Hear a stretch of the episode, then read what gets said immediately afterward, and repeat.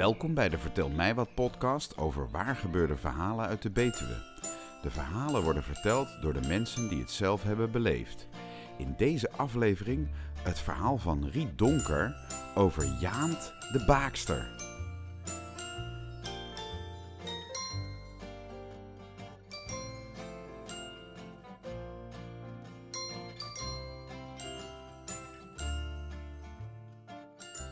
De grote rivier de Waal die slingert zich als een, zilverlint door het landschap naar zee. En aan die grote, brede rivier liggen vele dorpen en steden. En een van die dorpjes is Hello. Daar kwam ik als jonge bruid in januari 1965 te wonen, in het ruilverkavelingsgebied. Een heel mooi gebied, maar toen nog erg kaal. In september van datzelfde jaar kregen wij een geboortekaartje dat er in het gezin van een neef van mijn man een zoontje was geboren. Gerard Vervoren. Zijn ouders waren Willem Vervoren en Sjaan. Mijn schoonmoeder had ook een kaartje gekregen en ik belde haar en ik zei: Zullen we samen deze week op kraambezoek gaan? Maar zij zei: Dat is niet de bedoeling. Als Jaant de Baakster daar bakert, dan is op de tiende avond na de geboorte van de baby een kraamavond. Wat nu een kraamfeest is. Daar worden wij rond kwart voor acht verwacht. Wij daarheen. En bij de deur werden we welkom geheten door een prontevolle vrouw die met beide benen op de grond stond en zei: Ik ben Jaant de Baakster. Nu is Jaant legendarisch in de dorpen met de drie H's op rij, Hello, Herwijnen en Haafden. Maar ik had haar nooit eerder ontmoet. Jaant ging ons voor naar de voorkamer en daar zat moeder Sjaan met al enkele dames. Achter een hoge tafel met een pluche tafelkleed en daarop lagen al wat cadeautjes. Wij feliciteerden haar met haar zoon en namen plaats. En rondom in de kamer stonden een twintigtal stoelen. En binnen tien minuten waren al die stoelen bezet. Er lag, lagen heel veel kraamcadeautjes op de tafel. Jaant kwam binnen met een hele grote aluminium koffiekan. En daar zat koffie en melk gemengd in. Zij schonk de klaargezette kopjes vol. En op de tafel stond een grote glazen suikerpot, zullen we het maar zeggen, met een zilveren voet en daarin losse suiker en een suikerschep. Aan lijnen deden we toen niet, want er werd rijkelijk met de suiker geschept. Jaant ging rond met schoteltjes, met beschuit, met roze muisjes. Want blauwe kenden we nog niet. En even was het heel stil. Je hoorde alleen het gekraak en het geknabbel van beschuit. En er vlogen natuurlijk wat roze muisjes in het rond. Ondertussen begon de kraamvrouw de cadeautjes uit te pakken. En de O's en A's waren niet van de lucht. Heel veel was handgemaakt. Een gebreid truitje met een broekje. Een gehaakt jasje met een bijpassend mutsje en slofjes. Een geborduurde badhanddoek. En een schilderijtje met daarop een baby, geborduurd, waarop de naam Gerard stond, het geboortedatum, jaar en zijn gewicht. Ook nog enkele strengen met wol die nog op een kluwe gewonden, gewonden moesten worden. En daarvan kon de kraamvrouw later zelf iets breien. Echter, ik was daar niet zo'n ster in. In dat breien en dat naaien en dat borduren. Ik had ooit onder leiding van mijn moeder een jurkje gehaakt, een babyjurkje. En voor mezelf een blauw gebreide trui. Ik vond het al een hele prestatie. Maar ja, dat was daar heel mooi. Ik had mijn man gevraagd, wat zal ik als kraamcadeau geven? En hij zei, doe een envelop met wat geld erin. Daar kunnen ze zelf iets van kopen of je kan het in de spaarpot doen. En zo had ik het gedaan. Maar dat was de enigste envelop die er lag. En ik vond het toch een beetje, ja, een beetje gênant dat ik dat niet had gedaan. Maar ja, ik kon ook niks, want ik was daar gewoon onhandig en ongedurig in. Die kraamcadeaus die gingen helemaal de kring rond. En het werd van binnen en van buiten bekeken. En ik zag, het is een competitie hier. Wie maakt het mooiste handwerk?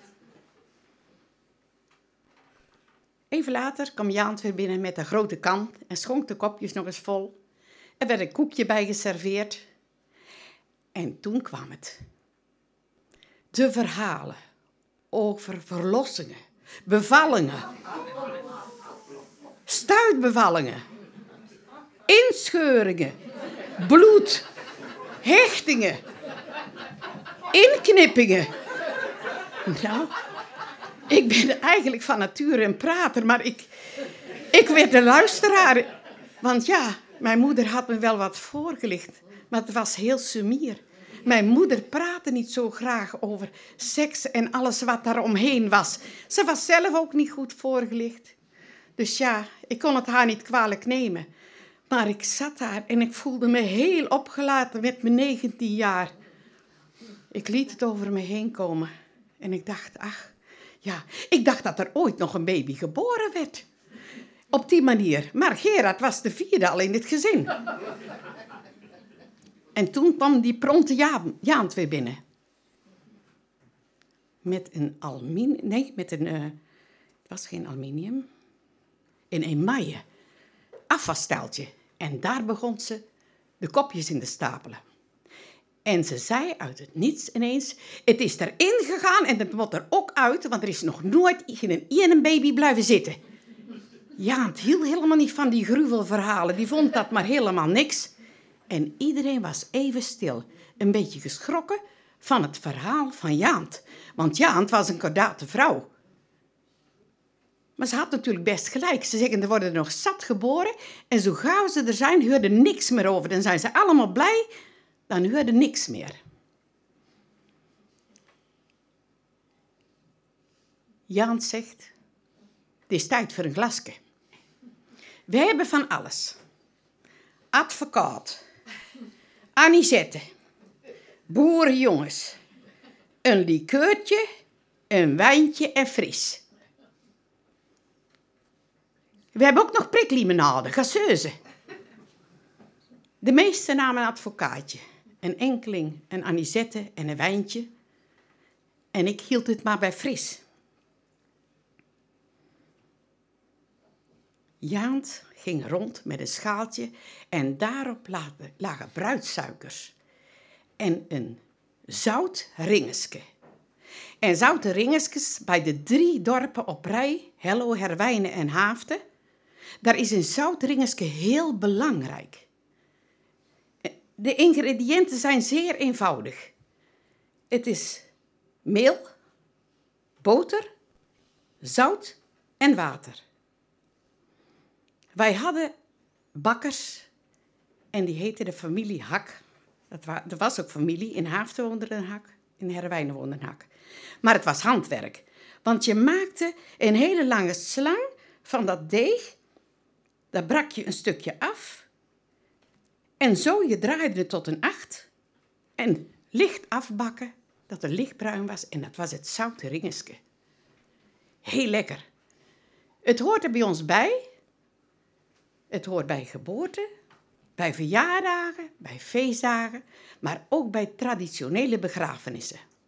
Dan staat er altijd op de tafel, ook bij condolences, een schaal met aan de ene zijde een zoutringeske en tegenwoordig aan de andere kant een zoetering, een Heukelumse krakeling. Ook zeer bekend in de buurt. Iedereen weer even aan het knabbelen op het zoute ringeske, want die gingen toch echt wel beter dan de bruidsuikers. En toen werd het erg gezellig. Iedereen vertelde wat over het dorp, over het sociale leven, over wie er verkering had, ging trouwen ziek was. De kerk werd erbij gehaald en het dopen. en er werd heel veel gelachen. De vader van Gerard hebben we die avond niet gezien. Dat was meer een gesloten mens. Die hield niet van al die dames om zich heen. Hij hield van stropen en vissen en was die avond met een vriend de polder ingetrokken. Jaant schonk de glasjes nog eens vol en kwam toen binnen met een bundeltje en daarin zat Gerard. Je zag hem wel helemaal niet, want hij had een flanellen omslagluier om zich heen, onder de okseltjes door, hier met een veiligheidsspeld vastgemaakt. Een flanellen luier om zijn hoofdje, tegen de kou, want ja, centrale verwarming was er toen nog niet. Alleen een elektrisch kacheltje met twee van die groeispiraaltjes om de ergste kou buiten te houden. Gerard werd op tafel gelegd. Hij werd uitgepakt. En Jaan gaf hem aan zijn moeder. En die toonde trots haar prachtige Gerard. Een heel mooi manneke. Met een heel gaaf gezichtje. Lichtjes getint. Hele ronde wangetjes. Het, zijn hoofdje was rond, het was net een appeltje. Het was een prachtig kind en hij werd geshowd. En toen ging hij de hele zaal rond. De hele kamer. Iedereen mocht hem even vasthouden, hem even bewonderen. Hield je hem te lang vast, dan stond Jaan paraat, pakte hem een kordaat op, gaf hem aan de volgende en zei, hij moet ook nog rond. Hij kwam weer bij zijn moeder terecht. En Jaant kwam weer binnen met haar emaille afwasstijltje, begon de glaasjes in te pakken en zei: Het is tijd voor moeder en kind. Hij moet nog gevoed worden. En wij houden ons hier onder drie R's: rust, reinheid en regelmaat. Wij begrepen die hint. En we stonden allemaal op, gaven Sjaan een hand, bedankten haar voor de leuke, gezellige avond, wensten haar veel geluk met haar Gerard en liepen naar de openstaande deur die Jaant ook open had gezet, waar zij prompt naast stond. En iedereen gaf haar een hand en een fooike. Maar daar ging ik weer. Ik kende die gebruiken niet en had ook geen geld voor voorhandig. Ik dacht, wat nu? Mijn schoonmoeder redde mij. Ze hield ook heel veel van mij. Ze tikte me aan, knikte naar me en gaf Jaant een dubbele fooi en zei van Riet en van mij weer gered. Wij gaven uh, Jaant een hand en nu bleek dat een baakster zeer weinig verdiende. Maar iedereen gaf haar een gulden en in 1965 had ze toch nog ruim 20 gulden op zo'n avond bij elkaar gehaald. Dat maakte het loon toch nog weer een beetje aardiger. Alhoewel ik altijd gedacht heb dat Jaant, of ze nou betaald werd, ja of nee, zo'n zo'n vrouw was het, dat ze toch gebakerd had. Terug in de auto vertelde ik en praatte een beetje met mijn schoonmoeder over wat ik toch gezien had. En tegen tien uur kwam ik weer thuis in mijn huisje in de polder, waar mijn Wim op mij wachtte. En ik vertelde hem wat ik gezien had, gehoord had. En wat een indruk wat het op mij achtergelaten had. Die ene kraamavond die ik nooit zal vergeten. Het is trouwens met dat handwerk van mij nooit goed gekomen. Ik heb nooit een cadeautje voor iemand gemaakt. Ik heb nog wel eens gebreid, maar het zijn nu allemaal klompenslofjes. Dan komt het niet zo nauw, eigenlijk. Maar ik heb altijd wel een boek gekocht. Een boek wat jullie allemaal waarschijnlijk zullen kennen van Annie M.G. Smit, Jip en Janneke. Want wat is er nou mooier voor een kind, voor hun taal voor de rust die het brengt dan een verhaal te vertellen.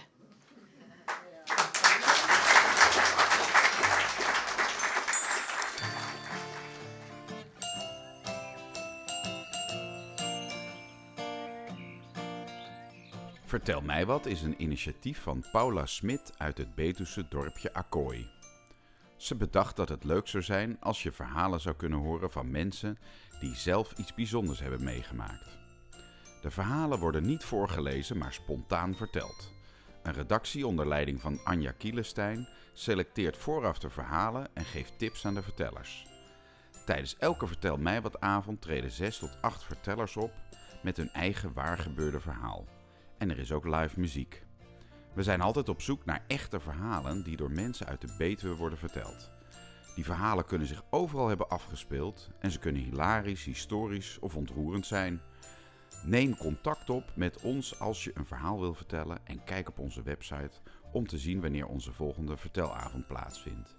Kijk voor meer informatie op www.vertelmijwat.net. Het Vertel mij wat team wordt geleid door Charlotte Vonk. Productie van deze podcast is in handen van mijzelf, Melvin Keunings. De geluidstechniek wordt verzorgd door Roelof Krijgsman en de leader is gemaakt door Peter van de Woestijnen.